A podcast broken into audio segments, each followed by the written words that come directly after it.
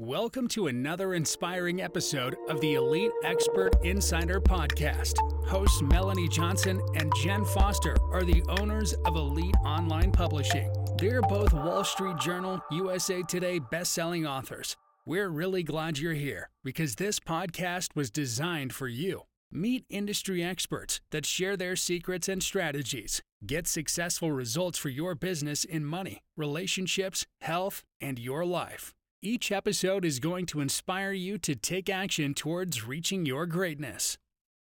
Hello, hello. So, if you've been thinking about your brand, thinking about selling more products, and maybe wondering why you're not selling more products, I always say your brand represents you. So, when people are checking you out, whether it's on social media, your website, how everything looks, it reflects on you. And we're doing this ourselves. It's like redecorating your house, redoing your wardrobe, being current, looking fresh.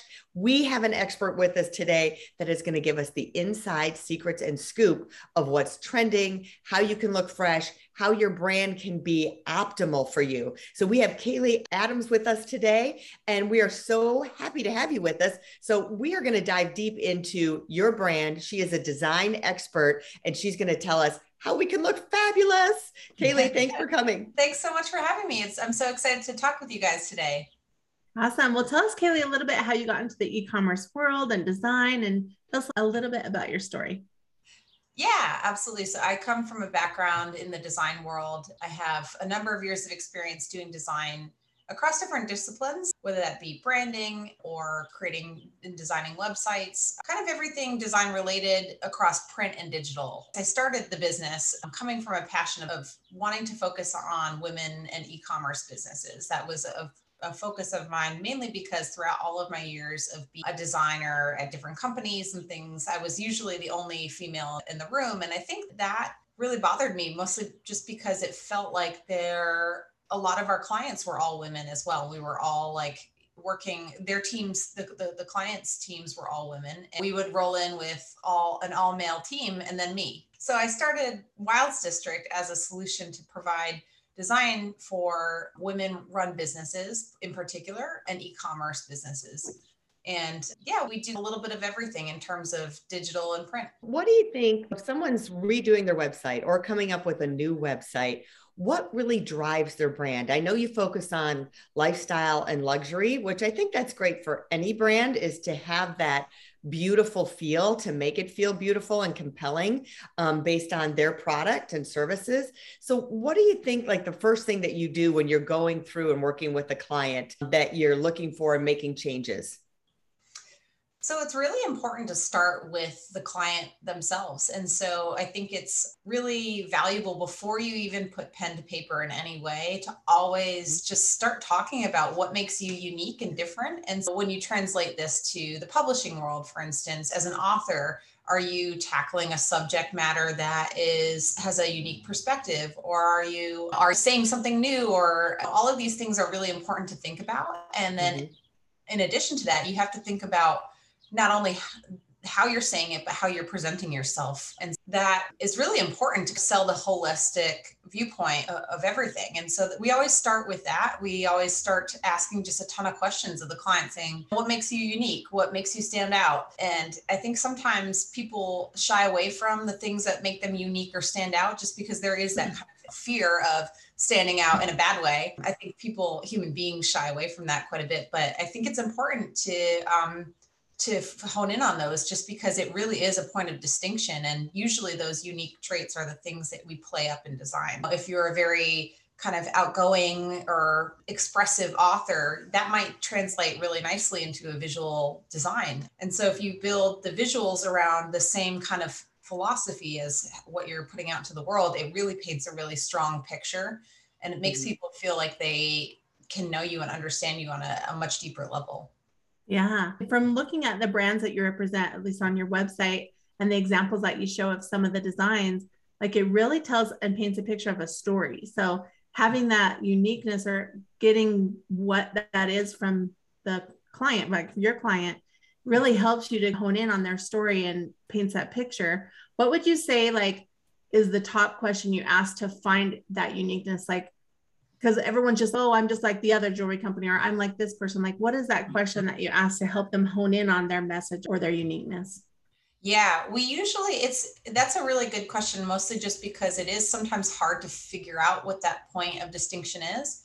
And I think a lot of the times it helps actually first looking at the competitors, the other people that are in the space, and and talking through saying, okay, here's this brand, but we're different because of X or we're like this brand, but we're different because of X. And so if you're an author, you can think of the same thing. If you're publishing a, a, book, you look and you see the other authors that are doing similar things or different subject matter, but obviously you're writing for a reason, right? You have something new or different to say. Figuring out what those new things are, how you differ, actually can be very enlightening. So I always like to look at what's around you in the in kind of the competitive landscape to figure out where we can dial things up.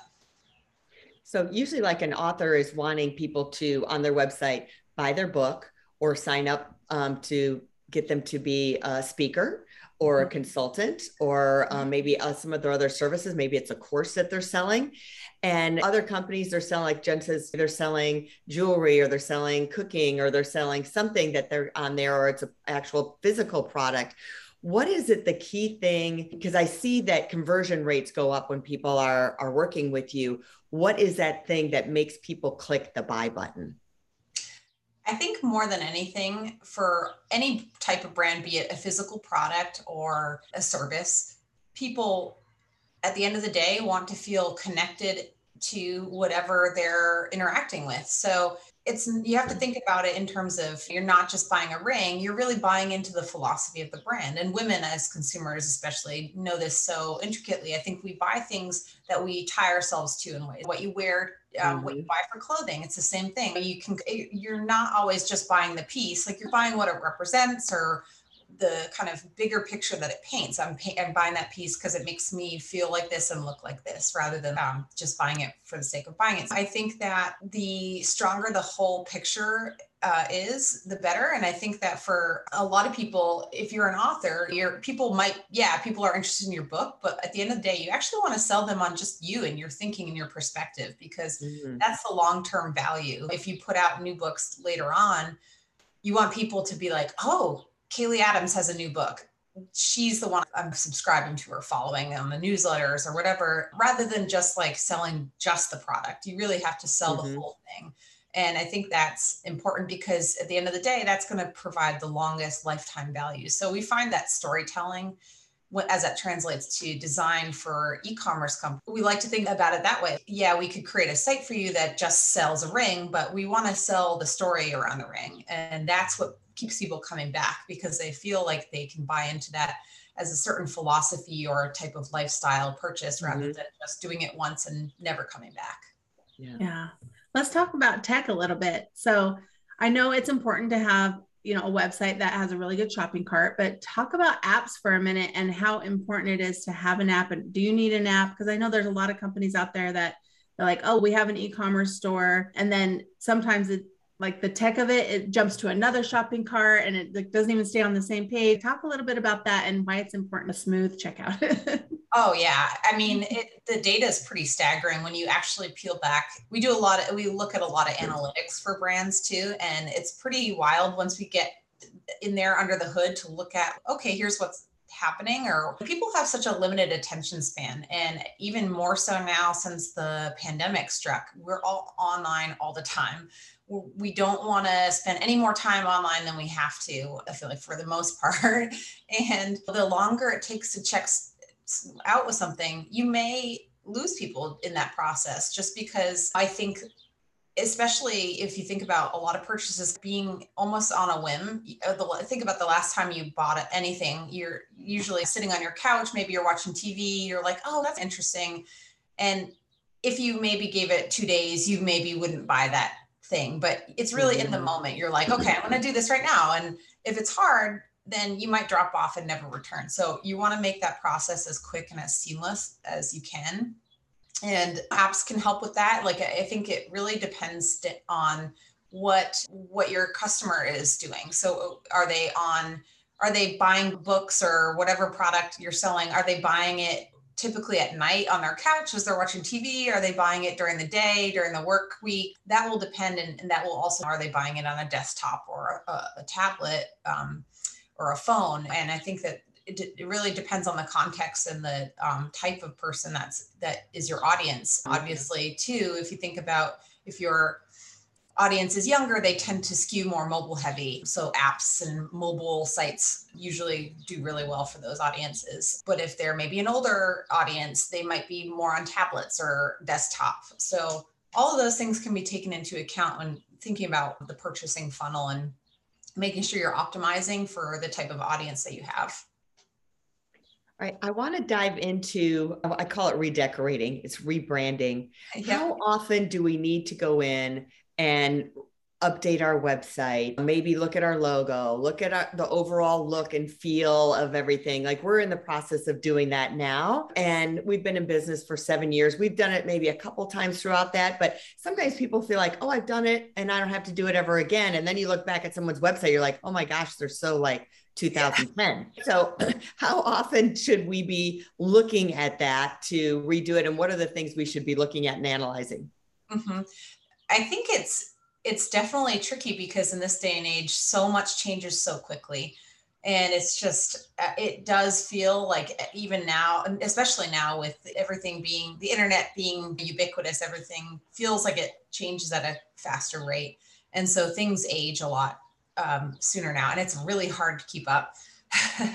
so a lot of the, th- the times what we suggest to clients is mm, if you're thinking about doing a rebrand, perhaps consider doing a, a logo that actually feels pretty simple and mm-hmm. might hold the test of time. And by that, don't choose an overly trendy font. Don't mm-hmm. choose a color that's very of the moment right now. Think about it and just say, okay, can I, it, will this font normal in five years or will we look at this font like i think right now it, we've been dominated the last five to ten years by the kind of script typeface that you see everywhere mm-hmm. it's on coffee mugs it's on and I think that will be very dated very soon. Choosing a, a, logo that's pretty straightforward will allow you to keep something so you're not totally changing everything because you do want to provide some consistency for people.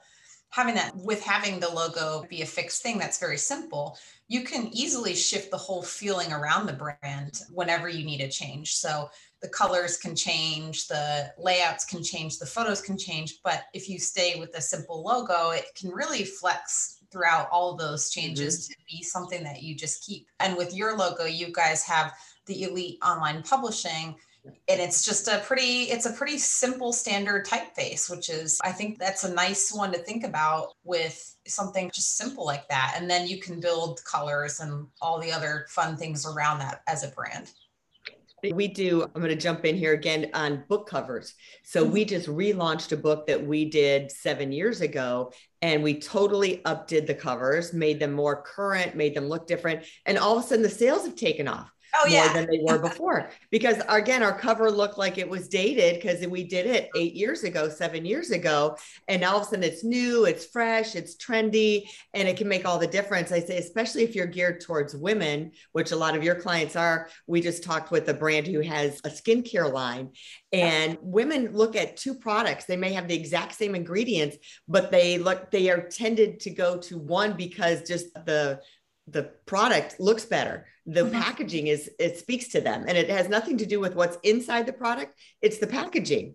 Exactly. Yeah mm-hmm. it can be a tiebreaker. I like to think about it in that way like you said where it two products exactly the same. If they have exactly the same ingredients do the same thing.